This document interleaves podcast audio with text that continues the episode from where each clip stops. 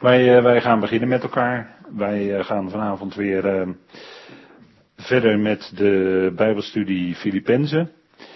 En wij zijn gebleven aan het eind van het eerste hoofdstuk. En daar wil ik ook dadelijk iets uit gaan lezen. En daarna zullen we aan de hand van diverse schriftplaatsen en de tekst die we hebben, wat verder ons gaan verdiepen in deze brief. En wij gaan uh, beginnen met elkaar. En voordat we dat doen, wil ik graag eerst met u beginnen met gebed. Trouwvader, wij danken u dat we ook vanavond hier bij elkaar mogen zijn. Dank u wel dat u ons roept om weer ons bezig te houden met uw woord. Dank u wel dat het woord ons voedt en koestert en ons wijst de weg die we mogen gaan in dit leven. En vader, het is een weg die we afleggen. Een loopbaan zoals uw woord erover spreekt, Vader, en op weg naar onze toekomst, die zo bijzonder is en waarin zoveel aan heerlijkheid is. Vader, dank u wel dat we op weg zijn als mensen die die verwachting koesteren en in ons hart hebben. Dank u wel dat wat er ook gebeurt op de dagen die we gaan in ons leven, Vader, we beseffen dat u altijd dicht nabij bent, ook op dit moment. Als we ons even hier in alle rust, los van alle beslommeringen van elke dag, mogen verdiepen in dat wat u zegt. En dank u wel dat dat beklijft, Heer, in ons hart, in ons leven. Dank u wel dat we daaruit leven. En Vader, dank u wel dat dat steeds meer vol wordt, die verwachting. We danken u, Vader, dat we mogen danken voor degenen die hier gekomen zijn vanavond. Degenen die thuis luisteren. En degene die misschien later dit beluisteren, dank u wel voor ieder die u daartoe roept om dat te doen. Geeft u een geopend hart, geeft u woorden, wijsheid, inzicht, overdrachts- en uitdrukkingsvermogen en ook, Vader, dat we het kunnen verstaan. We danken u, Heer, voor uw goedheid en uw trouw, elke keer weer. We danken u dat we zo vanavond deze momenten van u mogen ontvangen, Vader. Geeft u daarin rijke zegen in uw mildheid. We u daarvoor in de naam van uw geliefde zoon. Amen. Goed, wij lezen met elkaar Filippenzen 1 en ik wil met u dan lezen vanaf vers 21, even voor het verband, tot en met het einde van het hoofdstuk. En ik lees u voor vanuit de concordante vertaling. En daarin lezen wij, want, het, want voor mij is het leven Christus en het sterven winst. Indien het nu is leven in het vlees, dan betekent dit voor mij vrucht op het werk. En waaraan ik de voorkeur zal geven, maak ik niet bekend. Ik word echter uit deze twee gedrongen, het verlangen hebbend om losgemaakt te worden en tezamen met Christus te zijn, want dat is verreweg het beste. Echter in het vlees te verblijven is noodzakelijker om jullie. En daarvan overtuigd weet ik dat ik zal blijven en bij jullie allen zal blijven tot jullie vooruitgang en vreugde van het geloof. Opdat jullie roem mag overvloeien in Christus Jezus door mij, door mijn hernieuwde aanwezigheid bij jullie. Alleen wees burgers, waardig het evangelie van Christus, opdat ik, het zij ik kom en jullie zie, het zij ik afwezig ben en hoor wat jullie aangaat, dat jullie vaststaan in één geest, één van ziel, gezamenlijk, wedijverend in het geloof van het evangelie, en in niets verbijsterd worden door de tegenstrevers, wat voor hen een bewijs van ondergang is, voor jullie echter van redding. En dit door God. Want aan jullie is de genade geschonken voor Christus, niet alleen in Hem te geloven, maar ook voor Hem te lijden. Dezelfde worsteling hebbend die jullie in mij zien en nu over mij horen. Tot zover de tekst.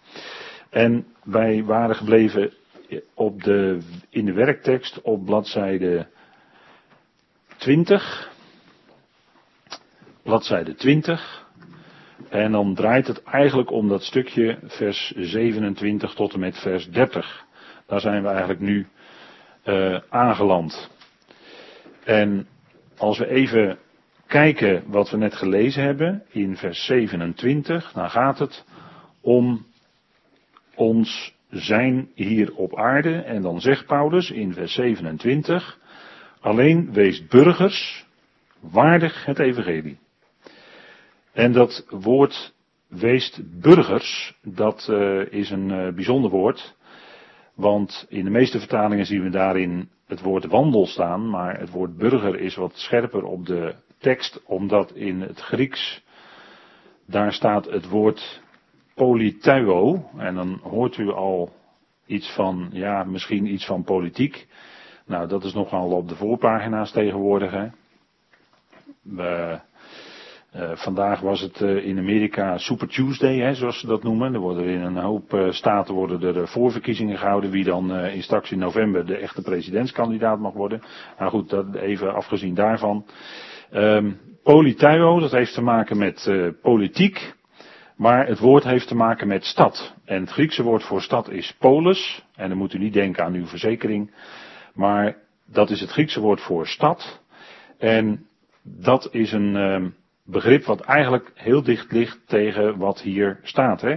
Wees burgers. Nou, je bent burgers van een land. Je bent burgers of je woont in een bepaalde stad. In die tijd waren er stadstaten. Hè, dan gold een stad eigenlijk als een soort staat.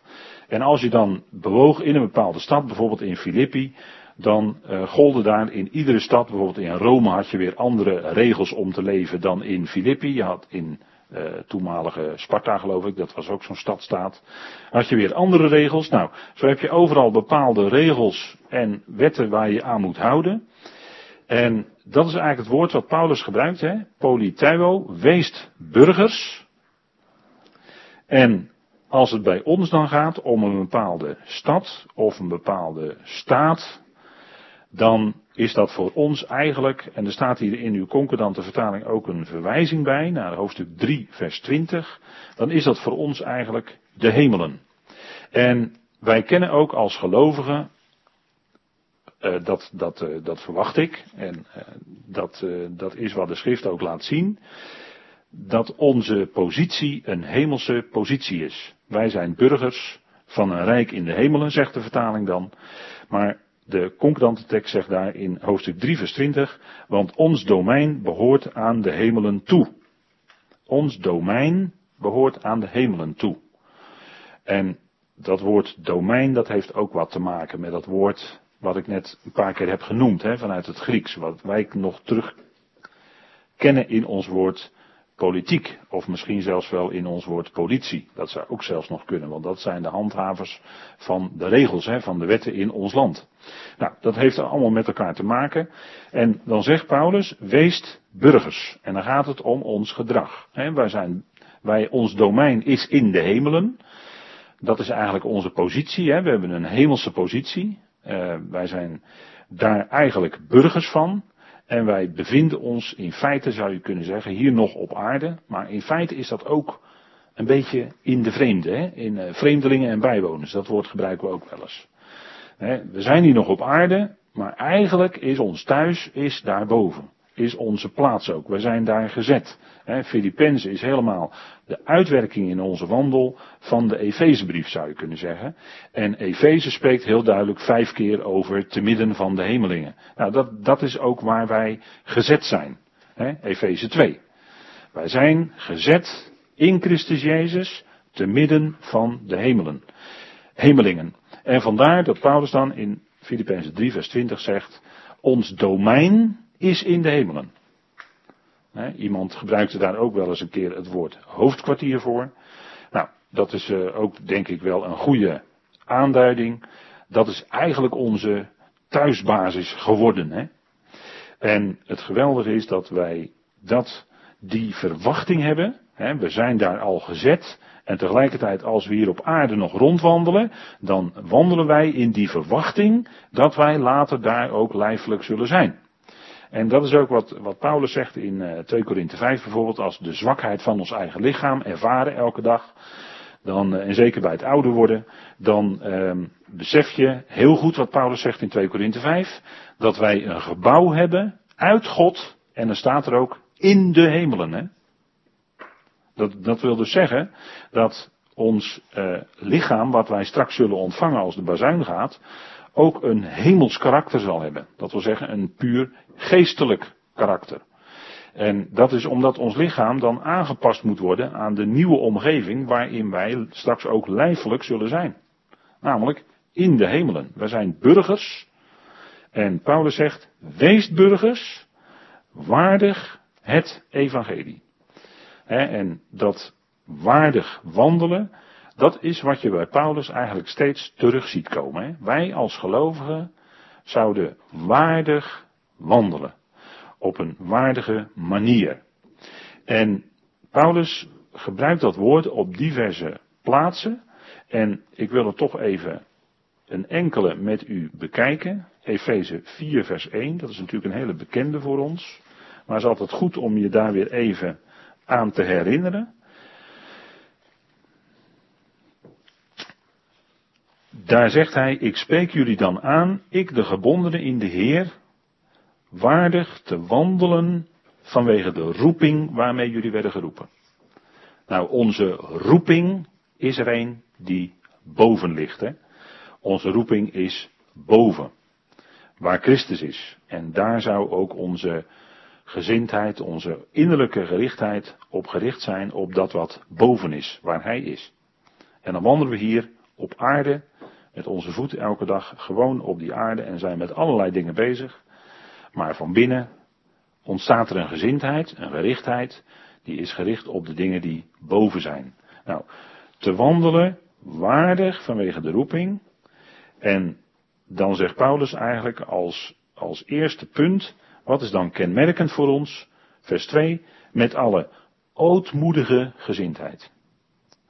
Hoewel we een hele hoge roeping hebben, is onze gezindheid juist er een die heel laag gericht is in die zin dat wij ons nooit kunnen verheffen boven iemand anders. Maar ootmoedige gezindheid wil zeggen dat je die ander zelfs superieur acht aan jezelf. En dat is wat, waar Paulus mee bezig is in Filippenzen 2. Dat is ootmoedige gezindheid. Dat je de ander uitnemender acht dan jezelf. Dat je de ander superieur acht dan jezelf. Wij zouden ons als gelovigen natuurlijk vanwege onze geweldige roeping en onze heerlijkheid geestelijk gezien, die wij eh, ontvangen hebben al in Christus Jezus, zou het vlees geneigd zijn om zich te gaan verheffen. Maar waar het om gaat is dat wij in wandelen in een ootmoedige gezindheid. En dan zegt Paulus met zachtmoedigheid, met geduld, elkaar verdragend in liefde, je beijverende eenheid van de geest te bewaren in de band van de vrede.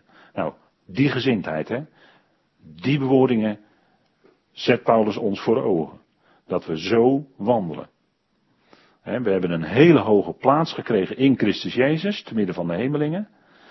Maar de ootmoedige gezindheid is er die van, is die gezindheid van Christus Jezus, die wij ook zouden uiten, die ook in ons gedrag naar voren zou komen.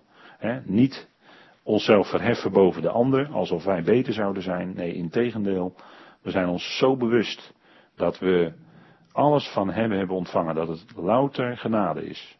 En dat zou je maken, dat maakt ons tot ootmoedige mensen. We hebben het nooit zelf voor elkaar kunnen boksen. We hebben het zelf niet kunnen verdienen, in tegendeel zelfs. Hij heeft het gedaan voor ons. En dat, dat maakt ons gelijk ootmoedig. Hè? We, we kunnen het niet van onszelf, maar we verwachten het alleen van Hem. En Paulus die gebruikt dat woord waardige wandel ook in dat bekende gebed in Colossense 1. En dat wil ik toch ook heel even met u lezen. En dan zegt Paulus, hè, en wil je nu met Paulus meebidden, dan is dit zo'n bijzonder fijn gebed in vers, eh, hoofdstuk 1 vanaf vers 9 van Colossense.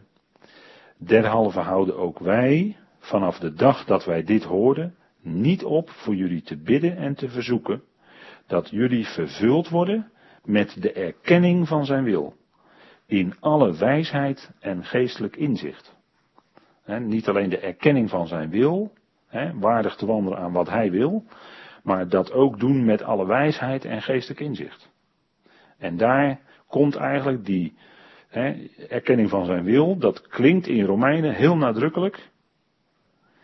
En in alle wijsheid en geestelijk inzicht. soms denk je dat lijkt wel een toevoeging, om, omdat we die verdere onthullingen na Romeinen ook nodig hebben. om werkelijk waardig te kunnen wandelen. Dat is iets meer dan, dat is veel meer dan uh, wat alleen al in Romeinen staat. En dat is al heel veel.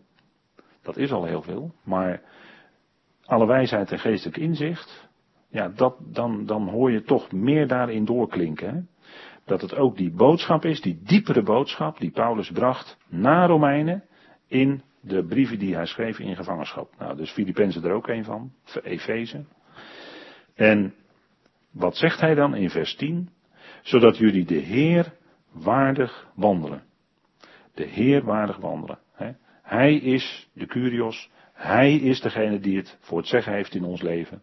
En wij wandelen naar zijn behagen, hè? tot geheel zijn behagen. De Heer waardig wandelen. In alle goed werk vruchtdragend en groeiend in de erkenning van God. En je ziet dus hier een heel proces. Eerst vervuld worden met de erkenning van zijn wil.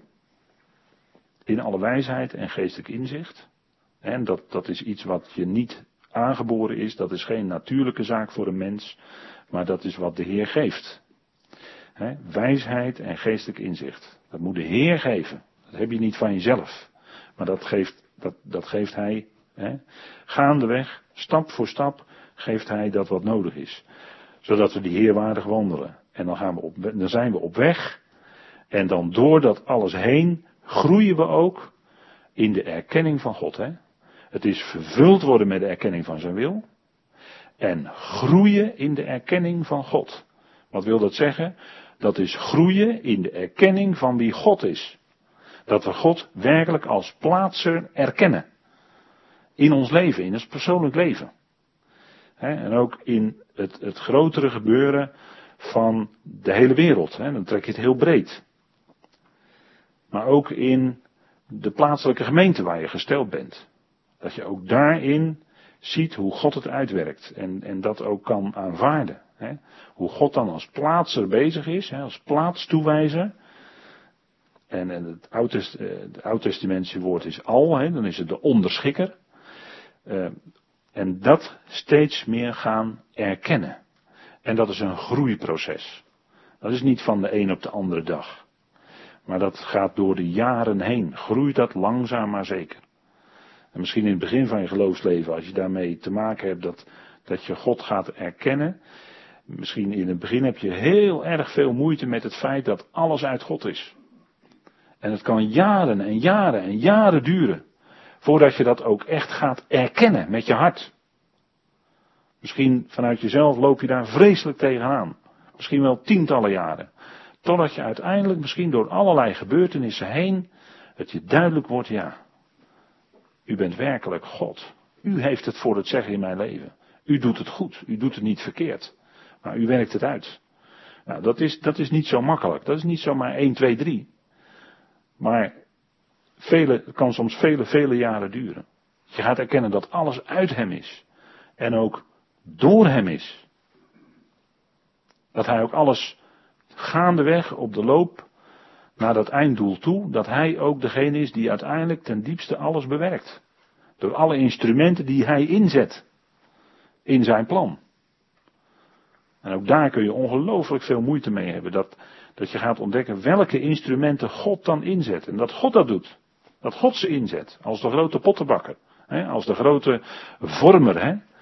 Het woord voor pottenbakker is dan gekozen, maar er staat eigenlijk in het Hebreeuws yatsar. En dat betekent hij die, hij die het maakt, hij die het vorm geeft met zijn handen. En, en uh, dat, dat, dat is wat hij doet, hè, dat kneden en dat gebruiken van instrumenten in zijn hand, dat hij het uitwerkt. Nou, daar heeft Paulus het hier over dat wij groeien in de erkenning van God. Dat we werkelijk God als God gaan erkennen. En dat doet de mens van, vanuit zichzelf niet zo. Hè? Daar heeft Paulus het over in Romeinen 1. Hè, waarin het heeft over mensen die God niet erkennen als God. Hè? Ze hebben hem niet als God verheerlijkt en gedankt. Maar dat, dat is wat je leert en dat is wat zo'n koning als Nebukadnezar moest leren door zeven jaar of zeven tijden moet ik eigenlijk zeggen doorbracht bij de dieren van het veld en gras at. En toen keerde zijn verstand in hem terug. En toen loofde hij God als de God des hemels, die aanstelt en afstelt. Toen loofde hij God als God. als onderschikker. Hè, als degene die, maar dat gebeurde pas toen zijn verstand in hem terugkeerde. En toen gaf God het hem dat hij inzicht had. En toen erkende hij daadwerkelijk Yahweh als God, als degene die alles de plaats geeft. En dat was een hele andere Nebukadnezar dan daarvoor hoor. Daarvoor was het een Nebukadnezar die beroemde zich en dacht, meende dat hij zelf dat grote Babel gebouwd had. Hè, dat het zijn prestatie was. Nou, dat was dwaasheid eigenlijk. Hè, maar hij kwam tot inzicht. En daar, daar, daar liet God hem door een bijzondere weg gaan. Maar wij zouden groeien in de erkenning van God. Hè. Er staat niet alleen kennis, maar er staat hier erkenning. Dat is meer. Dat is meer dan alleen kennis hebben van. Hè. Erkenning van God hebben. Nou, dat, dat is wat Paulus hier bidt. Hè. En dat is ook, eh, en in onderdeel in dat proces, en dat is wat voortdurend ook doorgaat, de Heer waardig wandelen, ook daarin groeien. Nou, Paulus noemt dat nog een keer in 1 Thessalonicense 2, en ook die wil ik even met u opzoeken. Dan ziet u dat Paulus daar regelmatig op terugkomt in zijn brieven, op die waardige wandel, hè, dat onze wandel zo zou zijn. 1 Thessalonicense 2,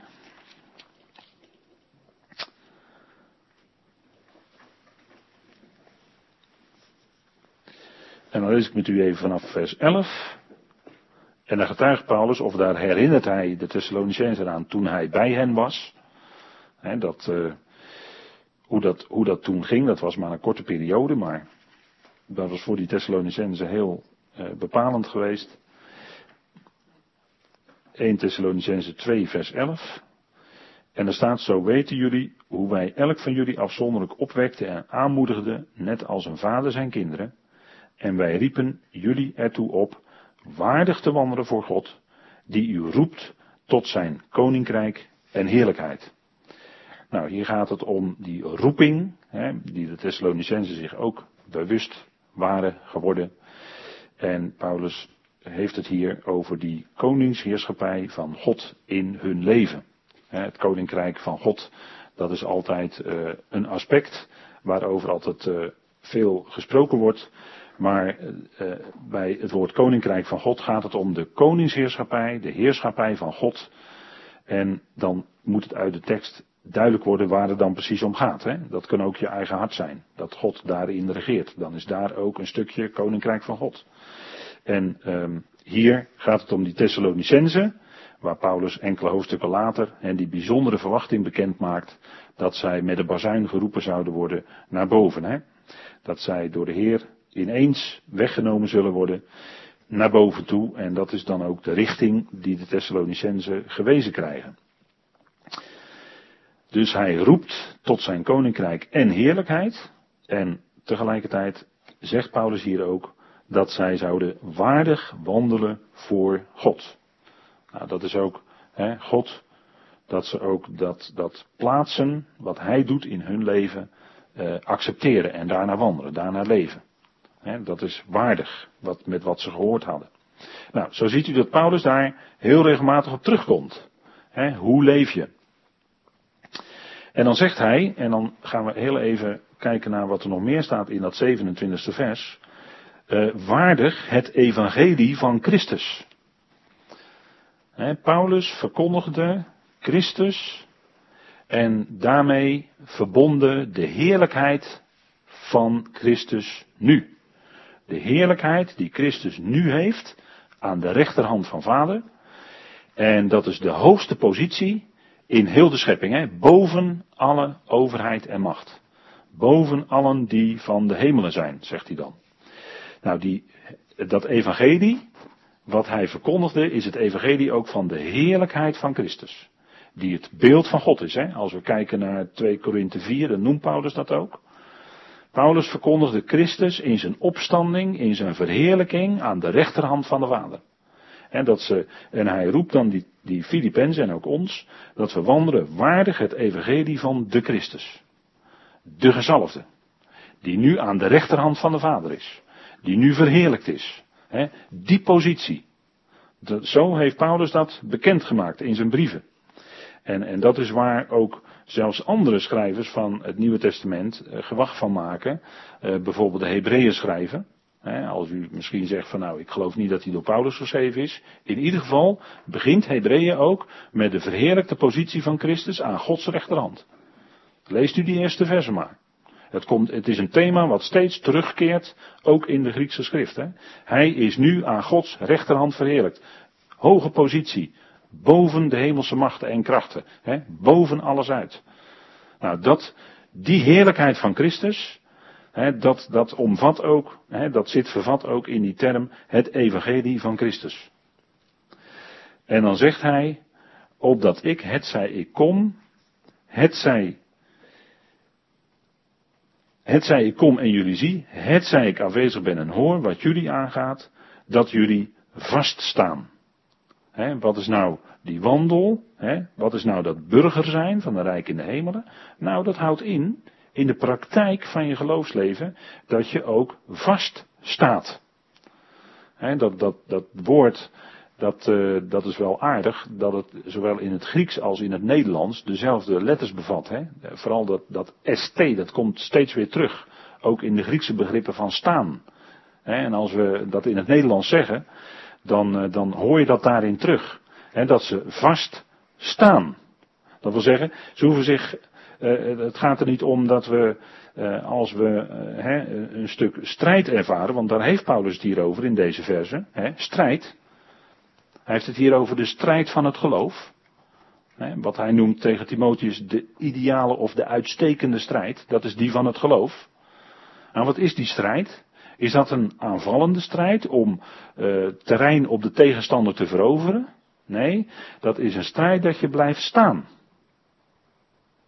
En, en, en dat is op zich al een strijd, dat je blijft staan. Want er is allerlei wind van leer. Daar kun je door heen en weer bewogen worden. Dan blijf je dus niet staan, dan ga je wankelen. Maar het gaat erom dat we blijven staan. Hè? Paulus heeft het hier over vaststaan. In één geest. Hè? Eén van ziel. En, en als je in één van geest en één van ziel bent, dan ben je ook als, als gemeente gezamenlijk sterk, om het zo maar te zeggen, om dat evangelie van Christus uit te dragen. En om te kunnen blijven staan dat is wat, wat steeds weer terugkomt. dat we blijven staan. En Paulus wijst daar in zijn brieven voortdurend op. als voor de praktijk van ons leven. Dat we blijven staan in dat geloof. En, en daar zijn zo diverse aspecten. Als je nou eens denkt aan Romeinen 5. Bijvoorbeeld. Romeinen 5.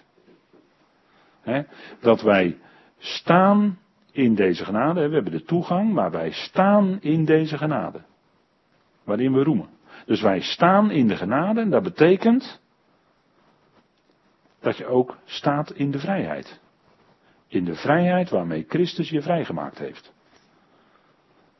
En dan ben je vrij om tot eer en tot dienst van God te leven. want dat is waar Filippenzen over gaat. Dat gaat dat die Filippenzen waren bezig met dienen. Hè? Paulus was daarin een groot voorbeeld. Met dienen. En daarbij komt ook het lijden. En dat klinkt ook in deze verse. Niet alleen dienen, maar ook lijden. dat gaat, en, en dienen is iets uh, wat we eigenlijk, wat je, wat je eigenlijk als mens ja, voor gemaakt bent om te dienen. een mens zal in zijn leven altijd iets zoeken waarin die iets kan dienen. En kunt u zeggen, ja, mensen dienen soms ook zichzelf. Ja, maar wij, als gelovigen, hè, wat, doen, wat kunnen wij doen? Nou, wij zijn juist in die vrijheid gesteld, zodat we niet onszelf hoeven te dienen of een of andere X of Y, maar wij zijn in de vrijheid gesteld om God te kunnen dienen. Daarvoor zijn we vrijgemaakt. En uh, dat is die genade waarin we staan. Hè. We staan in genade, zegt Paulus. En dus tegelijkertijd staan in die vrijheid. Daar heeft hij het ook over in de gelaten brief. Hè. Dat is ook staan. Staat dan in de vrijheid waarmee Christus jullie vrijgemaakt heeft. En daar gaat het natuurlijk tegen de achtergrond van de Judaïsten. Hè, die hen onder de wet wilden brengen. Nou, daarvan waren die gelaten, dat maakt Paulus duidelijk, jullie zijn vrij vrijgesteld van een leven in slavernij onder de wet. Uh, vrijgesteld van een wettisch leven. Je staat in de vrijheid, je staat in de genade. En zo ben je vrij om God te kunnen dienen. Nou, hè, staan, standvastig blijven. Wat zegt Paulus bijvoorbeeld in de Korinthebrief? De bekende vers, wat, we, wat we vaak zingen, denk ik. Uh, 1 Korinthe 15, het eind. Wees standvastig. En het volgende woord zegt eigenlijk hetzelfde, dat is onwankelbaar. Als je standvastig bent, dan ben je ook onwankelbaar. En dan sta je op dat fundament. Sta je op hem. Dan sta je in de genade. En we zouden daarin vast staan, zegt Paulus. Niet aan het wankelen laten brengen door wat of wie dan ook. En er was in die tijd ook heel wat tegenstand. Daar spreekt dat hele eerste hoofdstuk, spreekt Paulus daarover. dat er sommigen waren die de Christus, vers 15, weliswaar verkondigden uit afgunst en twist. En die verkondigden zelfs dus de Christus. Maar ze deden dat uit afgunst en twist. Om de verdrukkingen voor Paulus, om de last voor Paulus zwaarder te maken. Ze deden dat uit, uh, misschien wel uit uh, verkeerde concurrentieoverwegingen. Afge, uh, ze, sommigen verkondigden, zegt Paulus, vers 15, de Christus weliswaar uit afgunst en twist. En, en dat heeft waarschijnlijk ook te maken met de achtergrond van wat in de Galatenbrief naar voren komt. er staat hier een tekstverwijzing, Galaten 1 vers 7. er wordt verwezen naar dat, naar dat uh, ja, wat eigenlijk geen evangelie is. En daar, daar waren toen al van die predikers die mixten alles door elkaar. En daarvan zegt Paulus, die mix, dat is geen evangelie. Dat is, geen ander, dat is een andersoortig, andersoortig evangelie. Maar geen ander. Nee? Geen ander echt evangelie, nee, een ander soort. Dat is een mix. En dat werd verkondigd. En daar had Paulus veel last van. En dat gebeurt vandaag de dag nog steeds. dat mensen de Christus inderdaad verkondigen. Maar wat er dan allemaal bij komt, is vaak een wonderlijk, mengsel van de lijnen die in de schrift eh, duidelijk toch uit elkaar liggen.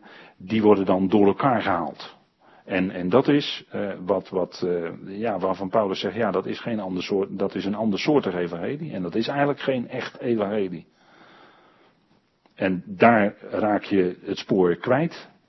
En, en vandaar ook dat veel mensen ja, eigenlijk in verwarring zijn over een heleboel dingen van hoe zit het nou eigenlijk. Ze weten niet waar, de, uh, hè, de een zegt dit en de ander zegt dat. Er is allerlei wind van leer. En de ene keer is het uh, dit en de andere keer is het dat wat, wat in de belangstelling staat. Maar er is geen vastheid. En de mensen kunnen uh, op, op allerlei manieren worden ze meegenomen. En Paulus ondervond dus in zijn prediken, in zijn bezig zijn, in zijn dienen, ondervond hij tegenwerking. En dat is wat hè, hij noemt in vers 28 de tegenstrevers.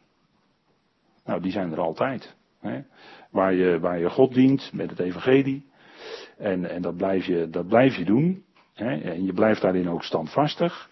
Dan uh, is het zo dat je uh, op zeker moment tegenstrevers, met tegenstrevers te maken krijgt. Dat er tegenstand komt, dat er op een of andere manier tegenwerking komt. Dat kan op allerlei manieren zijn. Dat kan zijn door tegenspreken. Maar het kan ook zijn op allerlei andere manieren tegenstreven of tegenstand. Hè. Een stukje geestelijke strijd hebben we dan over. En daarin stand houden, dat is heel erg belangrijk. Paulus gebruikt dat woord vaker.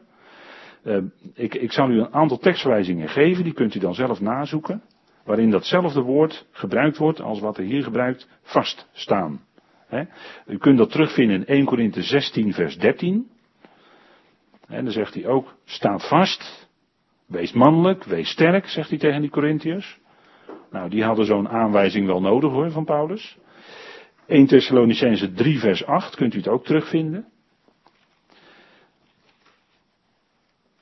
En 2 Thessalonicense 2 vers 15. En dan vinden we er nog één, ook in deze brief, staat vast, in Filippenzen 4 vers 1. En die wil ik even met u opzoeken, want we zitten toch al in Filippenzen, dus u hoeft er niet zoveel te bladeren.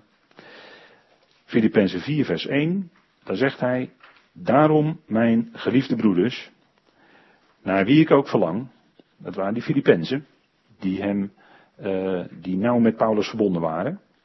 Mijn vreugde en krans staat zo vast in de Heer, mijn geliefden. Nu heeft u hetzelfde woord, hè? Staat vast in de Heer, mijn geliefden.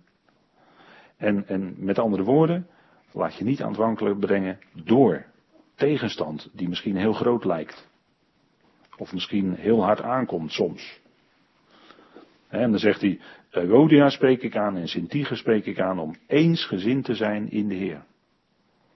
Die, dat waren medewerkers, maar ze hadden toch nodig om dit te horen van Paulus, dat zij eensgezind zouden zijn in de Heer. Want eensgezindheid, dat geeft een kracht. Als je als groep gelovigen eensgezind bent, dan heb je ook kracht om iets uit te dragen. Om iets uit te brengen. Die eensgezindheid, ja, dat is uh, op hetzelfde gezind zijn. Dat woord gebruikt Paulus ook in uh, uh, bijvoorbeeld 2 vers 2, hè. Filippenzen 2 vers 2, gebruikt hij ook dat woord eensgezind. Maakt mijn vreugde compleet doordat jullie eensgezind zijn. Dezelfde liefde hebben. één van ziel op één ding gezind. Ziet u die, hoe duidelijk die, die, die eenheid daar dan ook in de praktijk tot uitdrukking komt. die geestelijke eenheid, of de eenheid van de geest, die is er. Maar het is nog wat anders als dat ook in de praktijk tot uitdrukking komt. Eh, Efeze 4, vers 1 heeft Paulus het er natuurlijk over. Dat die eenheid van de geest er is. Maar als die, dat die ook in de praktijk naar buiten toe komt, ja, dat, dat, dan moet er eensgezindheid zijn. En dat is niet vanzelfsprekend. Omdat daar formidabele tegenstanders zijn. Van die eensgezindheid. En één formidabele tegenstander is het menselijke vlees. Het eigen ik. De mens zelf. Een andere formidabele tegenstander, dat zijn natuurlijk de onzichtbare geestelijke machten. Die andere mensen beïnvloeden en zo tegenwerken. Hè? Vers 28, de tegenstrevers. Dat heeft te maken met, dat kan te maken hebben met, met menselijk vlees, maar het kan ook te maken hebben mede met geestelijke machten die achter die mens zitten en die mens gebruiken om tegen te streven. Op een of andere manier. En, en dan is het zaak dat de gelovige vast kan staan in dat evangelie. En ook blijft staan. dat is wat Paulus steeds benadrukt als, het, als hij het heeft over die wapenrusting. In Efeze 6. Steeds komt het woord staan, stand houden, weerstaan. Het komt steeds terug.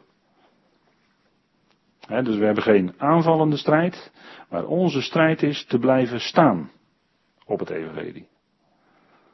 dat is dat, uh, ja, dat je je niet laat verzetten en natuurlijk komt alle kracht om te blijven staan van de Heer. Dat is niet je eigen kracht natuurlijk, absoluut niet. Als het zou gaan om je eigen kracht, dan was je misschien al tien keer weggelopen. Maar als het gaat om de kracht van de Heer die in je werkt, dan heb je kracht om te blijven staan. Het is een geestelijke strijd, hè. En, en, en soms eh, heb je de neiging als mens om andere mensen daarop aan te kijken, maar dat kun je helemaal niet. Je kunt geen ander mens erop aankijken. We hebben ook geen worsteling tegen vlees en bloed. Maar tegen de geestelijke machten, de geestelijke boosheden in de lucht. Daar hebben we mee te maken. Dat is die strijd. Nou, daar hebben we die wapenrusting voor, geestelijk, om te kunnen standhouden en te kunnen blijven staan. En dan niet je mee laten trekken in een conflict met vlees en bloed, want we hebben die sandalen van de vrede. Als het gaat om vlees en bloed, we hebben sandalen van vrede aan. De uitwerking van het evangelie, we houden vrede, met, voor zover het van ons afhangt, met alle mensen. En in het bijzonder met de medegelovigen. Dat, dat, dat is wat ons uh, evangelie natuurlijk uh, karakteriseert. Hè? Verzoening, vrede. Als het gaat om vlees en bloed. Maar staan blijven tegen die machten die ons belagen. Stand houden in die geestelijke strijd. Stand houden zoals Israël constant houden destijds in Exodus tegen de Amalekieten. De Amalekieten, die strijd tegen de Amalekieten, is daar een beeld van. typologisch gezien staat dat voor de strijd die wij hebben.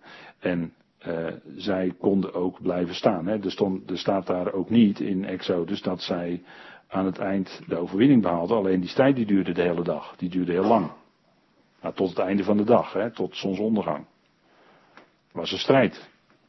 Tegen Amalek. Nou, dat was natuurlijk, daar zaten natuurlijk ook de, de geestelijke machten zat daarachter. Maar voor ons is dat een geestelijke strijd. Hè, tegen de geestelijke Amalekieten, om het zo maar te kunnen zeggen. Nou, Paulus had daarmee te maken. En dan zegt hij dat jullie vaststaan in één geest, één van ziel, gezamenlijk wedijverend in het geloof van het evangelie. Gezamenlijk wedijverend. Dus wel degelijk uiterste activiteit van ons als gelovigen. Gezamenlijk wedijveren. Dat is uh, een woord, dat kennen wij ook wel een beetje, atletiek. Gezamenlijk sun atleo staat er dan. Atleo, nou daar hoort u een beetje dat atletiek in. Hè? Nou, dat is onze, ja, wat, wat wij doen. Hè? En dat is ook wat, wat ik net even las van Jodia en Sintige, die ook gezamenlijk wedijverden. Datzelfde woord wordt daar gebruikt. Maar samen wedijverend. En dat is een inspanning.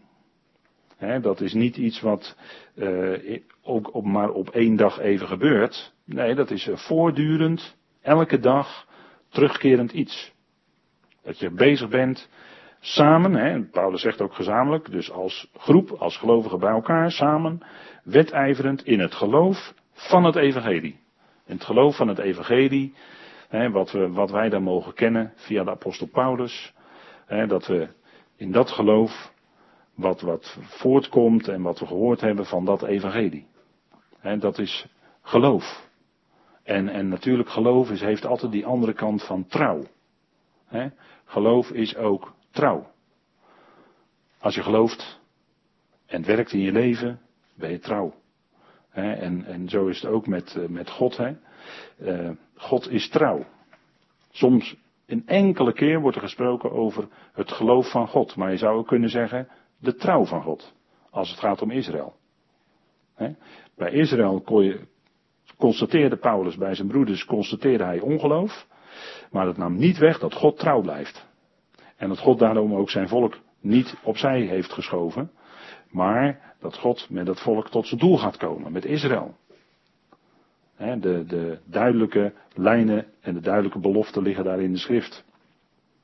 Maar wedijveren, gezamenlijk wedijveren in het geloof van het evangelie. dus dat is echt zo'n uh, ja, iets wat, wat, wat zo duidelijk wijst naar veel activiteit. Hè, en daarvoor is nodig, hè, wat erachter zit, in één geest. Eén van ziel. En dan komt het ook naar buiten door de ziel. Dan ben je er ook met je hele ziel, met je hele hebben en houden zeg maar bij betrokken. Dan, dan, hè, dan leef je daarin. Hè, dan is dat voor jou uh, echt je leven. En Paulus we hebben het vanavond heel even gelezen aan het begin. Hè? Want voor mij, zegt Paulus, is het leven Christus. Wat een geweldig voorbeeld. Hè? Voor mij is het leven Christus. Hij betekende alles voor Paulus. Hè? Dat is zijn Heer, hem wilde hij dienen. En eh, niets anders dan dat. Hè? Het hele leven van Paulus stond in dat teken. Hè? Alles had hij daarvoor over. En dat is wat, uh, wat we hier dan ook teruglezen. Paulus als voorbeeld. En dan zegt hij, gezamenlijk wedijverend. En wat kom je dan tegen? En in niets verbijsterd wordend door de tegenstrevers. je bent bezig in die activiteit om het evangelie uit te brengen. Maar zegt Paulus, laat je nou niet verbijsteren, want dat kun je wel eens hebben. dat die tegenstrevers zo sterk opkomen, dat je als het ware misschien bijna even verlamd bent door wat op je afkomt. je bent verbijsterd. En in niets verbijsterd worden door de tegenstrevers. En als je dat eenmaal een aantal keer hebt meegemaakt, dan weet je wat het is. dat zijn degenen die eigenlijk, eh, zou je kunnen zeggen, voor tegenstrevers, ja, daar zit eigenlijk dat woord liggen zit daarin. Uh, dat zijn degenen die als het ware klaar liggen om er tegenin te gaan. Dat, uh, misschien in militaire, militaire termen zou je zeggen, dat is de vijand die daar ergens op de loer ligt. zo zeg je dat dan. Nou, en die staat klaar om, om ogenblikkelijk, waar, waar het nodig is of waar, waar ze kunnen, aan te vallen. En als we, als we denken aan Amalek, dan viel Amalek aan aan de achterkant. Hè? Het zwakste deel werd aangevallen. Weet u wel? Staat in Deuteronomium. Het zwakste. Dus het zwakste wordt altijd aangevallen. En, en dat, eh, dat uh, kun je ook uh, ervaren. Misschien wel in je persoonlijk leven of in het leven van je gezin of je familie. Dat je, dat je bezig bent en dat bezig bent met deze dingen van het evangelie. En dat je dan op de meest onverwachte momenten in het zwakste wordt aangevallen. En dat kan, dat kan zelfs je eigen gezin of je eigen familie betreffen. Op een of andere manier. En, en dat kan aankomen. dat, uh, en daar eigenlijk, uh, ja, in het begin uh, besef je dat niet zo, maar gaandeweg, als je dat een keer gehoord hebt en meegemaakt hebt, dan ben je daarop bedacht dat het kan gebeuren. He? Amalek valt het zwakste, zwakste aan. Dat is een duidelijk voorbeeld in de schrift. En dat doet de tegenwerker ook. Die, die zal proberen je te treffen op je zwakste punt.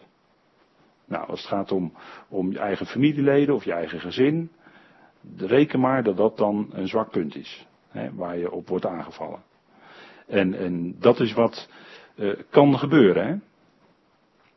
En uh, ja, dat kan, ook, kan op een heleboel manieren gebeuren. Maar dan is het toch zaak om uh, ja, standvastig te zijn. Je daar, toch je daardoor, ook daardoor, je niet uit het veld te laten slaan. Maar standvastig te blijven. Er kan zoveel gebeuren in een mensenleven. Maar het is bijzonder. En dan, dan ervaar je kun je daar ook een stukje lijden in ervaren. En dat is wat Paulus ook ervoerde. Lijden. In vers 29. Voor Christus niet alleen in hem te geloven, maar ook voor hem te lijden, staat er. Het lijden, hè. Als je op je zwakste punt wordt aangevallen, dan, dan kan dat lijden betekenen. Moeilijkheden, problemen. En misschien wel een hele serie problemen achter elkaar. In, in de, de, die dichtbij je gesteld zijn. Dat kan gebeuren. Nou, dat zijn tegenwerkende, hè, dat zijn tegenstrevers, onzichtbare tegenstrevers, die op een of andere manier, hè, kijk in het leven van Job. Hè. Nou, daarin kon de tegenwerker ook, hè, we hebben het afgelopen zondag nog gehoord, daarin kon de tegenwerker ook gaan, maar tot een bepaald punt. God had gezegd, je mag leven, je mag Job niet doden. Hij ging tot en met dat Job ook ziek werd. En, en sloeg zwaar in in Jobs familie. Nou, dat is enorm. En, en daarin zie je ook zo'n punt, hè, dat het kan gebeuren. Maar vaststaan, niet je laten verbijsteren door de tegenstrevers. En dan zegt Paulus wat voor hen een bewijs van ondergang is. En in een andere tekst hebben we dat ook vertaald met het woord destructie. Weet je wel, die bekende tekst uit Thessalonicense? Twee, twee Thessalonicense. Hè, wordt de wetteloze wordt daar genoemd de zoon van destructie. Hij is gedoemd tot ondergang. En alles wat, wat met hem te maken heeft, heeft dan ook te maken met vernietiging. Maar hij zal zelf ook ondergaan. Hij zal zelf ook die destructie ondervinden uiteindelijk. Maar het is voor die tegenstrevers een bewijs van ondergang. Voor jullie echter van redding. En dit door God. Want God redt, hè? God redde Paulus ook in allerlei situaties. Paulus was van alles overkomen, en dan zegt hij uiteindelijk, maar al die, in al die situaties heeft de Heer mij gered. En hem overkwam heel wat meer dan wij, dan ons overkomt. Maar dan zegt hij toch, de Heer heeft mij uit al die situaties uiteindelijk toch geborgen. Nou, dat is bijzonder. En dat is wat Paulus hier ook tegen die Filippenzen zegt. Het is voor hen, voor die tegenstrevers een bewijs van ondergang. Maar voor jullie van redding en dit door God. Redding in de praktijk van het geloof. Redding in hun leven. En uiteindelijk natuurlijk ook de redding bij de bazuin. Maar hier gaat het om de praktijk hè, van het leven van elke dag. Redding in hun geloof. En dit door God. En dan zegt Paulus ook in dat 29e eh, vers. Want aan jullie is de genade geschonken voor Christus. Niet alleen in hem te geloven, maar ook voor hem te lijden. En dat, dat punt van het lijden, dat is, uh, ja, iets wat met dat dienen gepaard gaat. Hè? En ik uh, ga even met u nu lezen in de werktekst op bladzijde 20. En er staat boven dat kopje lijden om Christus wil. En daar zegt de studie, één ding is zelfs beter dan alleen onze grote Heer te dienen. En dat is lijden om zijnentwil. Wat we lezen in vers 29. He, dus ze hadden niet alleen die genade gekregen, ook om in hem te geloven en hem te dienen, maar ook voor hem te lijden. Ook voor hem te lijden. En dat is een, natuurlijk, het lijden is iets wat wij altijd van nature willen vermijden. Maar wat toch over ons komt. En we hebben er toch mee te maken. En de tekst die zegt dan, het lijkt erop dat dit een bijzondere genade is voor de gelovigen. In het bijzonder wanneer zij Paulus volgen en zijn strijd meevoeren. dus als je Paulus volgt, en je komt ook in dezelfde strijd terecht waarin Paulus was, met dat evangelie mee, dan betekent dat lijden. Dan betekent dat dat je eh, niet door alle gelovigen nog geaccepteerd wordt. Waarom? Omdat je het evangelie volgt wat Paulus verkondigt. het lijkt voor veel mensen dan heel mooi, hè? onder meer, en dat is heel groot, God is de redder van alle mensen. Maar toch is dat evangelie niet naar de mens. En dat heeft te maken met wie de mens in zichzelf is. En die strijd krijg je dan. En broeder nog merkt hierop. Het lijden overkwam hem toen hij voor het eerst ging spreken over de huidige geheime periode van beheer. En wat bedoelt hij dan? Dan bedoelt hij wat in Efeze 3 staat. En daar hebben we ook de concordante tekst van, dus laten we het ook even met elkaar lezen. Efeze 3. Dat was ook een van de allerbelangrijkste aspecten van de bediening van Paulus. En dan zegt hij in vers 8, Efeze 3 vers 8, mij de allergeringste van alle heiligen. Nee. Werd deze genade gegeven aan de natieën de onnaspeurlijke rijkdom van de Christus als evangelie te verkondigen en allen te verlichten wat betreft het beheer van het geheimenis dat vanaf de eonen weggehouden was in God, die alles schept. En dat beheer van het geheimenis, dat is de tijd die kwam toen Paulus zijn bediening voerde en in feite ook met het feit dat hij in gevangenschap ging in Rome. Het beheer van het geheimenis. En in die periode roept God de gemeente, het lichaam van Christus, en die periode die was in Tenach niet bekendgemaakt. En dat zegt Paulus hier ook, het was vanaf de eonen weggehouden in God. Was niet bekendgemaakt. Was een absoluut geheim. En Paulus mocht dat bekendmaken. En vanaf het moment dat hij dat bekend ging maken, vanaf dat moment geeft hier onze studie aan, overkwam hem heel veel lijden, heel veel meer lijden nog. En een van die punten van het lijden was ook dat hij in gevangenschap zat. Hij was beperkt als mens. Dat is ook een punt, dat is ook lijden. Je enorme vrijheidsbeperking. Ook een, punt, een vorm van lijden, waarin Paulus toen zat. En God werkte dat natuurlijk heel wonderlijk uit. Want daarin schreef hij brieven waar wij nog vandaag aan de dag rijk uit kunnen putten. En waar we heel veel aan hebben. Waar we heel veel door onderricht worden. En met dat aanbreken van die periode van het geheimenis. En Paulus dat bekend maakte, overkwam hem ook heel veel lijden. En het had te maken met het kruis. De uitwerking van het kruis. De tekst zegt hier dan, er waren maar weinig gelovigen die echt met het verleden gebroken hadden. De meesten hielden aan dat verleden met zijn religie en vleeselijke voorrechten vast. En hiermee doelt hij dan natuurlijk op het Jodendom. De mensen met een Joodse achtergrond. Zij hielden vaak nog aan hun religie en vleeselijke voorrechten, hè, hun voorrechten die zij hadden in het vlees ten opzichte van de volkeren. Daar bleven zij aan vasthouden. Alleen is het punt dat juist in die brieven die hij schreef in gevangenschap, dat daarin het kruis een centrale, een centraal gegeven is. Als we in Efeze 2 lezen, dan is juist in dat stukje, vers 11 tot en met 22, het kruis het punt waarom het draait. Waarin Paulus eerst heeft over de eerdere situatie van de gelovigen uit de natieën en Israël ten opzichte van elkaar in het vlees. En hij eindigt dan met hun positie in de geest, die ze nu nog steeds hebben, in het lichaam van Christus.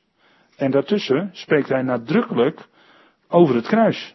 Dat hij daarin de vijandschap in zijn vlees gedood heeft. Dus dat kruis is een heel centraal belangrijk punt in Efeze 2. En dat veroorzaakte, omdat Paulus dat bekend maakte, veroorzaakte Paulus dat lijden, want het werd niet geaccepteerd door velen dat hij zo sprak dat hij ook in eerste instantie ging ook al rechtstreeks naar de volkeren toe, naar de natieën. Dan werd hem ook niet in dank afgenomen. En het allemaal als achtergrond had dat uh, een positie in het vlees. En juist aan het kruis wordt dat vlees beëindigd. Wordt dat vlees afgesneden in de besnijdenis van Christus. En daar zit een heel belangrijk punt van, van de oorzaak waarom Paulus met het bekendmaken van dit beheer zoveel moest lijden. En, en hè, want dat, dat, dat draait altijd om dat kruis. En kijk maar in Colossense, Colossense 1, daar is het kruis ook het centrale gegeven waardoor de verzoening tot stand komt. Is het kruis essentieel. En, en, en in Colossense 2 spreekt hij het ook over dat bij dat kruis in de besnijdenis van Christus het vlees werd afgesneden. En dat gaat heel diep. Want het betekent dat de mens in zichzelf, zijn eigen ik, zijn vlees, dat is aan het kruis afgesneden. Daar blijft dus niets van over. en en uh, nou is dat voor, de, voor ons als gelovigen, om in de praktijk ook daadwerkelijk daarna te leven en uit te leven, ja, dat is een heel proces. Dat je eerst gaat beseffen en daarna ook dat leven, eruit gaat leven, dat je dat beseft. Dat het is, hè, zoals Paulus zegt in, in Galater 2, het is niet meer ik, maar Christus leeft in mij. Niet meer ik. Dat oude ik is afgesneden aan het kruis. Het is niet langer ik en toch leef ik, zegt hij, maar dat is niet meer zijn, zijn oude ik. Nee, dat is Christus leeft in mij. En dat is ook voor ons als gelovigen onze identiteit, hè, als, het zomaar, als je het zo wil afvragen. Hè, wat is nou mijn identiteit als mens? Nou, als gelovige is jouw identiteit, Christus leeft in mij. Dus niet langer ik, maar Hij. Nou, dat is een heel belangrijk facet. Hè? En, en dat is wat hier naar voren komt, hè? Wat, waar broeder nog naar wijst hè, dat de meesten nog steeds vasthielden aan het verleden met zijn religie en vleeselijke voorrechten. En het werd alleen maar erger naarmate de tijd vorderde. Geheel Azië en mogelijk ook alle heiligen lieten Paulus en zijn laatste boodschap uiteindelijk in de steek. Op een of andere manier was dat, die laatste boodschap, voor velen een brug te ver, om het zo maar te zeggen. En zij, en dan staat er ook, hè, allen in Azië hebben mij verlaten, maar er staat net iets anders in 2 Timotheus 1, vers 15. We even met elkaar opzoeken. Want dat is de tekst waar de broeder eigenlijk naar wijst. 2 Timotheus 1 vers 15. Dit weet je dat allen die in Azië zijn van mij afgekeerd werden. Ze werden van Paulus afgekeerd. Ze werden dus beïnvloed. Door, nou als het om de gelaten gaat, door judaïsten. Die hen weer wilden terugbrengen onder de wet. Of door allerlei andere uh, ja, machten en krachten die zo hun werk deden.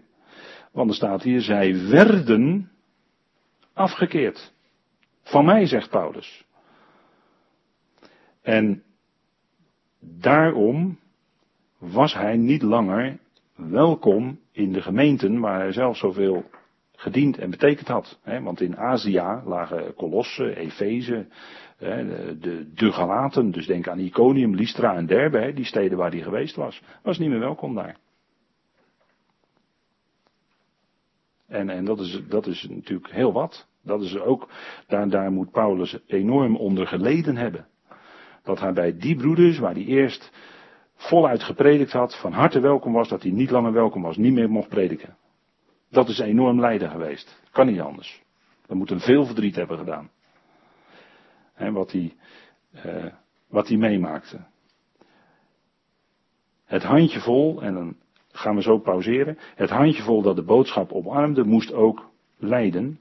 Niet zozeer onder de ongelovigen, als wel onder hun medeheiligen. Onder hun medegelovigen. Dus degene die in de laatste fase ook met Paulus meegingen, die overkwam datzelfde lijden. Dat ze door anderen, ja, ze werden door andere gelovigen gemeden, lieten ze links liggen, enzovoort, enzovoort. Nou, enorm lijden, hè, wat je dan overkomt. Goed, we gaan even pauzeren met elkaar. Tot zover.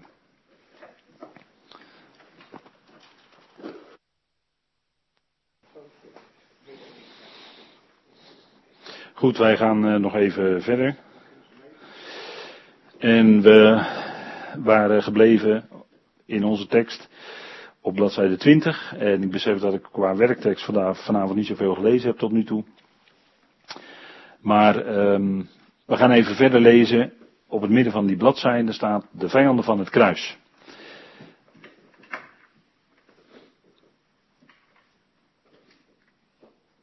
Dit was voor de apostel niet het lijden dat door een gebrek aan steun of door gevaar of door zijn vele vijanden veroorzaakt werd. Voor de laatsten was hij nu veilig. Hè? Nu is dan op het moment dat hij in gevangenschap was en deze brief schreef. Niettemin was zijn lijden realiteit en pijnlijk. Juist in deze brief heeft hij het over afgunst, twist en partijschap. hoofdstuk 1, vers 15, dat heb ik al even genoemd. En ook in vers 17, dat uh, sommigen de Christus prediken uh, uit uh, afgunst en de anderen doen het uit liefde. En weer anderen uit partijschap, zegt hij dan in Filippenzen 1, vers 17. De andere echter uit partijschap. Niet zuiver, veronderstellend verdrukking op te wekken in mijn boeien. hij was al geboeid in de zin van hij zat in gevangenschap. En zij wilden dan verder verdrukking opwekken in zijn boeien. Dus zij predikten de Christus wel, maar de motieven erachter, die waren niet zuiver. Paulus had het dus over die mensen, hij had het over kwade werkers. Nou, daar zullen we in de toekomst dan nog wel aan toekomen als we Filippenzen 3 behandelen. Dan zullen we wel uitgebreider op deze aspecten ingaan. En de versnijdenis, dat is een bepaalde typische uitdrukking die Paulus dan voor uh, mensen van de besnijdenis gebruikt. Daar had hij redenen voor. En over hen die wandelen als vijanden van het kruis, en over hun gezind zijn op aardse dingen. Dus Paulus had het over, en hij zei dat uh, wenend, hè? Hij, hij had daar tranen om, diep verdriet. Filippenzen 3, uh, even met elkaar opzoeken. En dan zegt hij in vers 17, wordt gezamenlijk navolgers van mij, broeders. En let op hen die zo wandelen, zoals jullie ons tot voorbeeld hebben. En die ons is dan onder meer Paulus, Timotheus en Epaphroditus. En natuurlijk als hoogste voorbeeld Christus Jezus zelf. dat zijn de vier grote voorbeelden uit deze brief. Die voorbeelden zouden wij navolgen. Want velen, zegt hij dan, over wie ik jullie vaak sprak, nu echter spreek ik ook wenend, wandelen als vijanden van het kruis van Christus. Dus zij wandelen niet als vijanden van Christus, maar zij wandelen als vijanden van het kruis van Christus. Daar gaat het om, dat is het punt. van die uitdrukking. Daar ligt de nadruk op. Hun volleinding is ondergang, hun God is het onderlijf en hun heerlijkheid is in hun schande. Zij zijn op aardse dingen gezind. Paulus noemt een aantal aspecten waaraan je die vijanden van het kruis kan herkennen. En dan is het voor ons misschien best wel moeilijk om dat te kunnen onderkennen. Want er zijn, de gelovigen zijn uh, wel vrienden van Christus, maar wandelen, zegt Paulus, vaak als vijanden van het kruis van Christus. En daar heeft hij veel verdriet over. En de schrijver merkt dan op dat als dat in zijn dagen al het geval was, hoe moet het dan vandaag de dag wel niet zijn? heerst er bij ons afgunst, twist, partijschap, en dat tussen broeders, dat tussen gelovigen. Nou, als dat er is, daar komt het eigenlijk op neer, als dat er is, dan zijn er dus die wandelen als vijanden van het kruis van Christus. Want als ze dat niet zouden doen, dan zou er ook geen afgunst, twist en partijschap zijn. Afgunst, twist, partijschappen heeft te maken met het vlees. Het wordt door Paulus genoemd in Galaten 5 bij de werken van het vlees. Dan gaat, en er zijn mensen misschien wel heel druk bezig uh, in, in, uh, om, om uh, als gelovigen, als gelovigen. Maar in de praktijk kan het best zo zijn dat ze toch wandelen in deze dingen. En dan blijkt op dat moment dat ze dus eigenlijk wandelen als vijanden van het kruis. Dan zijn ze meer bijvoorbeeld op aardse dingen gezind. En wat bedoelt Paulus dan? Dat het gaat om, om hun roem, hè, om hun eer. Hè, om uh, dat zij misschien zich kunnen beroemen op zoveel uh, mensen die zij tot geloof hebben gebracht. Ik noem maar wat, hè. Daar, daar, hè, daar, daar kunnen ze zich dan op beroemen, alleen het noemen al. En of uh, menen dat ze een bepaalde positie hebben. En dan koste wat het kost die positie willen vasthouden, want zij hebben toch die positie. Dat is ook zoiets, hè. En, en dat, dat hè, of, of uh, je, je, leest dat wel eens eh, als, als er dus samenkomsten uh, worden georganiseerd, hè, dan, dan zijn daar, wordt daar reclame voor gemaakt. En dan zijn het grote namen, hè, dan, dan is het die prediker die komt. Grote letters, die naam, die staat dan op het aanplakbiljet. Hè. Ja, die komt, nou daar komen de mensen dan op af, van die prediker die komt. En, en uh, dat, hè, nou, daarover uh, zou heel wat te zeggen zijn. Maar dat zijn aspecten daarvan. Hè. Dus uh, hè, de mens of de prediker of hoe dan ook, belangrijker. Hè, op dat moment wordt die prediker dan belangrijker dan de boodschap zelf. En dan komen de mensen op die naam af, of op diegene af die dan zo groot aangekondigd is. Of er komt iemand die op het podium uh, ja, niet alleen spreekt, maar daar gebeuren dan ook nog andere dingen. Daar komen mensen op af. En, en kennelijk was daar in, in de tijd van Paulus al sprake van. Paulus wijt toch niet voor niks uh, in, in Korinthebrief hoofdstukken lang aan, aan dat soort dingen. Dat, dat speelde in die gemeente van Korinthe al. Nou, afgunst, twist, partijschap, zijn er nu onder de heiligen, ik lees even verder, kwade werkers. Hè, kwade werkers, ze werken wel, Maar het zijn kwade werkers. hoe, ze, hoe ze het doen en wat ze doen, dat is eigenlijk, eigenlijk eh, vanuit geestelijk oogpunt bekeken een vorm van kwaad. Of zijn er judaïsten of vijanden van het kruis actief? Die prediken wel uh, misschien eh, op een of andere manier vleeselijke voorrechten. dat jij misschien toch wel bevoorrecht bent dat jij in, in, die, uh, in, in dat gezin bent geboren en, in, en dan in die kerk. Of in die geloofsgemeenschap. Of, of in die groep. dat je daar toch wel in grootgebracht bent en geboren bent. Daar kun je op laten voorstaan. Maar dat is in feite een stukje vijandschap van het kruis. Want het haalt een streep, hè? het kruis haalt een streep door alle vleeselijke voorrechten. Maakt daar een totaal einde aan. Hè? Uh, en, en veel mensen die vinden het vreselijk moeilijk dat er binnen het christendom zoveel verdeeldheid is. Maar die verdeeldheid is in het vlees. Die eenheid van de geest, die is er en met alle gelovigen. Maar als er zodanig sprake is van verdeeldheid, dan is dat in het vlees. En daar maakt het kruis een eind aan. En, en daarom kan ook die, die, eenheid, hè, die eenheid uitleven met elkaar, die geestelijke eenheid, ja, dat kan alleen op basis van het kruis en de boodschap van het kruis. Wat immers een einde maakt aan, aan, aan die oude mens, aan dat vlees. En dan kunnen we ons niet laten voorstaan op welk voorrecht dan ook. Maar alleen geweldig, dankbaar, hè, voor die geweldige boodschap, dat het genade is wat we hebben ontvangen.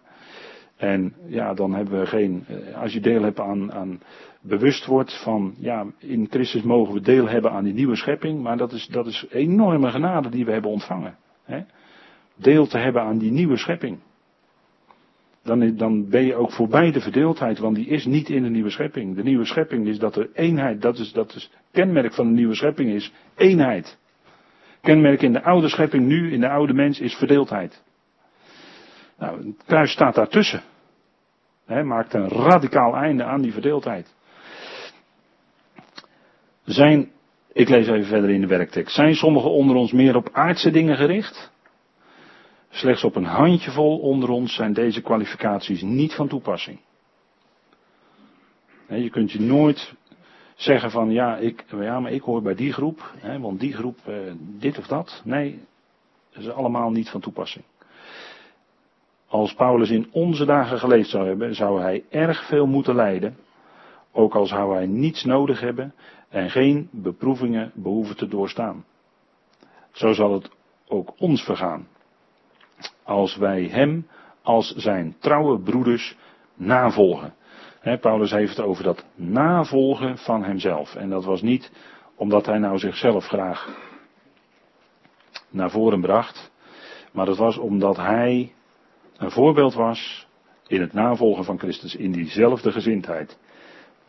En dat vinden wij ook in Timotheus. Paulus zegt dat tegen Timotheus. Laten we het ook even met elkaar lezen. 2 Timotheus 3.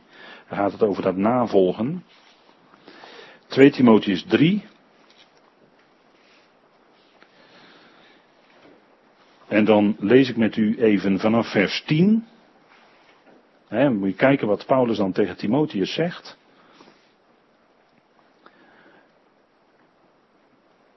En dan uh, als je die, ja, dat, als je die negen versen ervoor leest, met name die eerste vijf, zes, zeven versen, dan lees je daar ook heel veel over uh, vijandschap van het kruis. Maar in vers 10 staat dan dat, dat lichtende voorbeeld van Timotheus. Hè? Ook een van die vier voorbeelden uit de Filippense brief. En er staat in vers 10, 2 Timotheus 3 vers 10. Jij echter volgt mij volledig. Hè? Let op dat woord volledig volgen.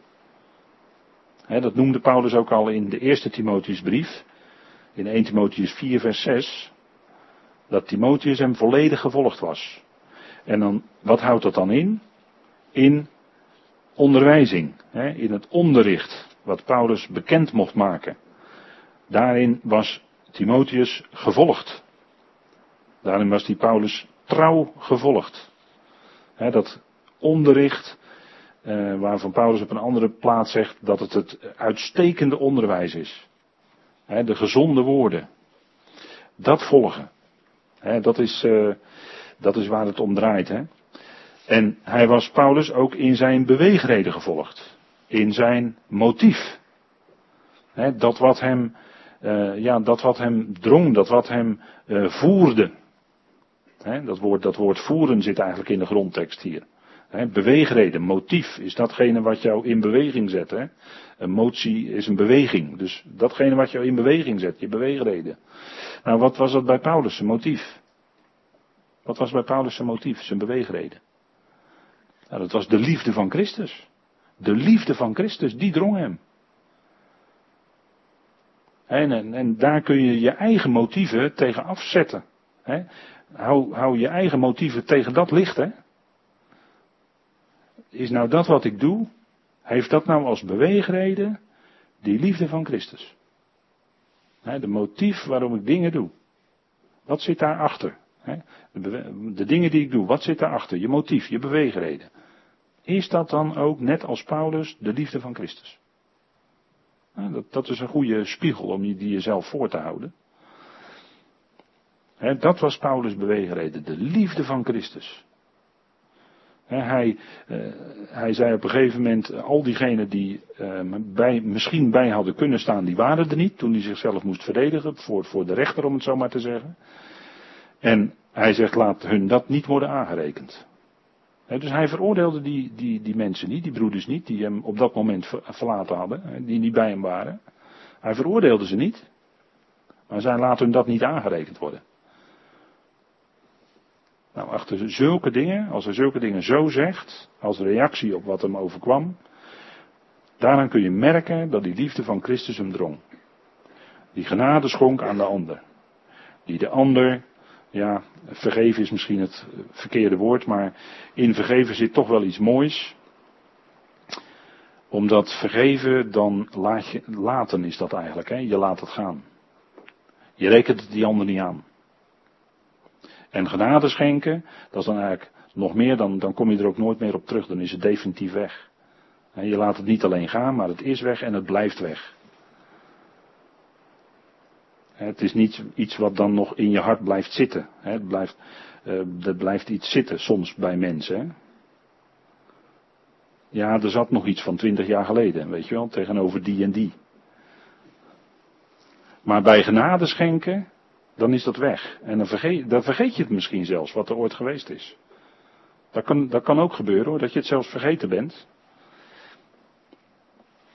Nou, dat is, en dat, dat, dat, dat, gaat, dat gaat heel ver, want ja, dat, ja, als je onrecht is aangedaan, en je hebt daar echt de gevolgen van in je leven,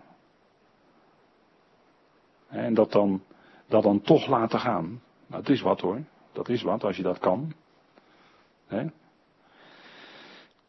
kan hele sterke voorbeelden van noemen die ik uh, wel eens gehoord heb van mensen, maar dan zeg ik nou, heel veel liefde moet je dan. Uh... Timotheus als Paulus voornemen gevolgd. het voornemen. Wat Paulus zich voornam. En ja, wat, wat Paulus zich voornam was natuurlijk bezig zijn met, met de dingen die de Heer aangaan en, en alles wat daarmee te maken heeft. En als mens, ja, als mens simpel in het dagelijks leven kun je allerlei dingen voornemen, maar ja, er, kan zo wat tussen komen. Dan gaat het niet door wat jij je voornam. Maar bij, bij het woord voornemen moet je dan ook sterk denken aan wat, wat God zich voorgenomen heeft. Ja, wat God zich voorgenomen heeft, dat, dat zal ook gebeuren. Gods voornemen is iets wat hij voor zich geplaatst heeft. zijn plan, prothesin, dat heeft hij voor zich geplaatst. En dat zal ook gebeuren. God heeft volkomen voorkennis van alles. En alles gaat exact zo zoals Hij zich dat heeft voorgenomen. En wij als gelovigen zijn in overeenstemming met dat voornemen, van dat plan, zijn wij geroepenen. Dat zegt Paulus. Waarom en waarvoor? Om gelijkvormig te worden aan het beeld van de zoon. En dat, dat is iets bijzonders, hè? Wat in Romeinen 8 staat. Dat is nou Gods voornemen met u en met mij. Dat wij gelijkvormig zullen worden aan het beeld van de zoon. En het is fantastisch als dat nu al in ons dagelijks leven dat van de zoon naar voren komt. Hè, die vrucht van de geest. Nou, Paulus zegt ook, en dan ga ik gauw verder in vers 10, geloof. Hè, zijn geloof. Maar ook zijn geduld. En nu zit ik midden in die vrucht van de geest. Hè? Geloof, zijn geduld. Hè? Het, het kunnen uithouden met mensen. Het kunnen uithouden met medegelovigen. En, en, ja, soms lukt dat bij mensen niet, dan kunnen ze niet langer uithouden, dan, dan gaat het niet meer op een of andere manier. Maar geduld. Met geduld elkaar in liefde verdragen. Daar is geduld voor nodig. Want anders kom je niet ver. Maar dat, hè. De Heer had zoveel geduld met zijn discipelen. Dat is altijd zo wonderlijk als je dat leest. Die discipelen die, nou, er was van alles mee. Er waren net mensen. En wij ook. Maar de Heer had zoveel geduld met ze. Ongelooflijk. En daar kun je zoveel van leren. Hè? Wat dat een, daar spreekt iets uit. Dat de Heer verder keek. Liefde. Het was liefde waarin de Heer wandelde. De liefde van Christus als, als beweegreden. Die liefde belangeloos willen dienen. Willen dienen niet omdat jij graag een positie wil hebben. Of dat je graag belangrijk wil zijn. Maar gewoon dienen uit liefde.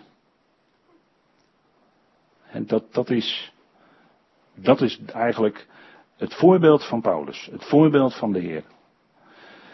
Volharding, hè, eronder blijven, eronder blijven. En daar is hè, blijven staan, daar ging het vanavond ook over, hè, vaststaan, eronder blijven. Daar is kracht voor nodig. Daar kun je niet uit jezelf. Dan heb je de kracht van Christus voor nodig, hè, die opstandingskracht. En vervolgingen, hè, nou, het is nogal wat dat je als je vervolgd wordt om datgene wat je gelooft. Overkwam Paulus vele, vele keren. Dat er zelfs uh, plannen waren om hem om het leven te brengen. Zo erg uh, was dat. Meerdere keren. En één keer ontkwam hij door de muur. Hè. Dat is altijd heel uh, aardig om dat te, kunnen zeggen. Door de muur. Ja. Nou, dat was echt zo. Want er zat een venster in die muur. En daardoor kon hij ontsnappen. Dat was geloof ik door toedoen van zijn neef. Van Paulus. Nou, dat was weer een mooi moment, hè? Een beetje humor is dat wel. Nou, het lijden, zoals mij dat overkwam in Antiochië, in Iconium en in Lystra. En in Lystra werd hij gestenigd. Wat dacht u wat? Gestenigd. En dat was niet met kleine kiezelsteentjes hoor, dat ze dat deden. Maar er werd echt met grote stenen gegooid. Letterlijke stenen. dus dat is wat hoor. Dat is niet niks en vervolgingen, dan noemt hij het nog een keer dat woord vervolgingen. Zoals ik doorstond en uit alle bergt de Heer mij. dat, dat, hier klinkt de enorme vreugde van hem in door. Uit alle bergt de Heer mij. De Heer was steeds bij hem. En dat was het allerbelangrijkste. En ik denk dat dat uh, ja, toch een heel bijzonder punt is. Wat uh, ook in deze brief doorklinkt. Goed, we lezen nog even een klein stukje op bladzijde 20 en dan sluit ik af. Paulus weende om degene die als vijanden van het kruis wandelden. Als er ook maar een paar heiligen net zo gevoelig als hij zouden zijn, zou het geweeklaag niet van de lucht zijn. Zelfs op de plaatsen waar de dood van Christus gepredikt wordt, en alles wat ermee samenhangt, zoals de uiteindelijke veroordeling van het vlees en van de wereld, is die boodschap slechts zelden aan ons gedrag af te lezen. Het kruis, de dood van Christus, ja, daarmee wordt ook de veroordeling van het vlees en van de wereld gepredikt. Maar is dat dan ook in ons gedrag af te lezen? En Paulus zag dat maar weinig in zijn dagen. En dat was de reden van zijn tranen, van zijn verdriet. Het hemelse burgerschap is verruild voor aardse heerschappij. Denk maar aan de, de, de grote wereldkerk, waarin de leider uh, een, stuk, een stuk, stukje, stuk aardse heerschappij eigenlijk uitoefent. En in het verleden is dat heel sterk geweest, met kruistochten en zo. Maar het is nog steeds. Maar het hemelse burgerschap, waar we vanavond mee begonnen, is verruild voor aardse heerschappij. Men verwisselt dat, hè. Maar de aardse heerschappij is bedoeld voor het volk Israël. De twaalf stammen. Die zullen regeren. En wij hebben een hemelse roeping En onze plaats is in de hemelen, te midden van de hemelingen. Aardse heerschappij, aardse bediening, dat eigent men zich vaak ten onrechte toe, want ons is een hemelse bediening. Gericht, hè, en men richt zich vaak op goed bestuur, hè, christenen in de politiek, sociale hervorming en het milieu. Wij die dit gedoe met ledenogen aanzien, zijn ervoor ongevoelig geworden. Anders zou ons lijden ons maar ontmoedigen om te dienen. Maar vaak zijn wij daar ook niet zo gevoelig meer voor, zoals Paulus dat was. Die zag dat en die had daar verdriet van. Zijn hart huilde daarbij. En wij gaan er misschien vaak langs en, en hebben niet meer zo door hoe ernstig dat eigenlijk is. Hè? Dat, die, dat eigenlijk dat helemaal is omgekeerd. Van hemels naar aards.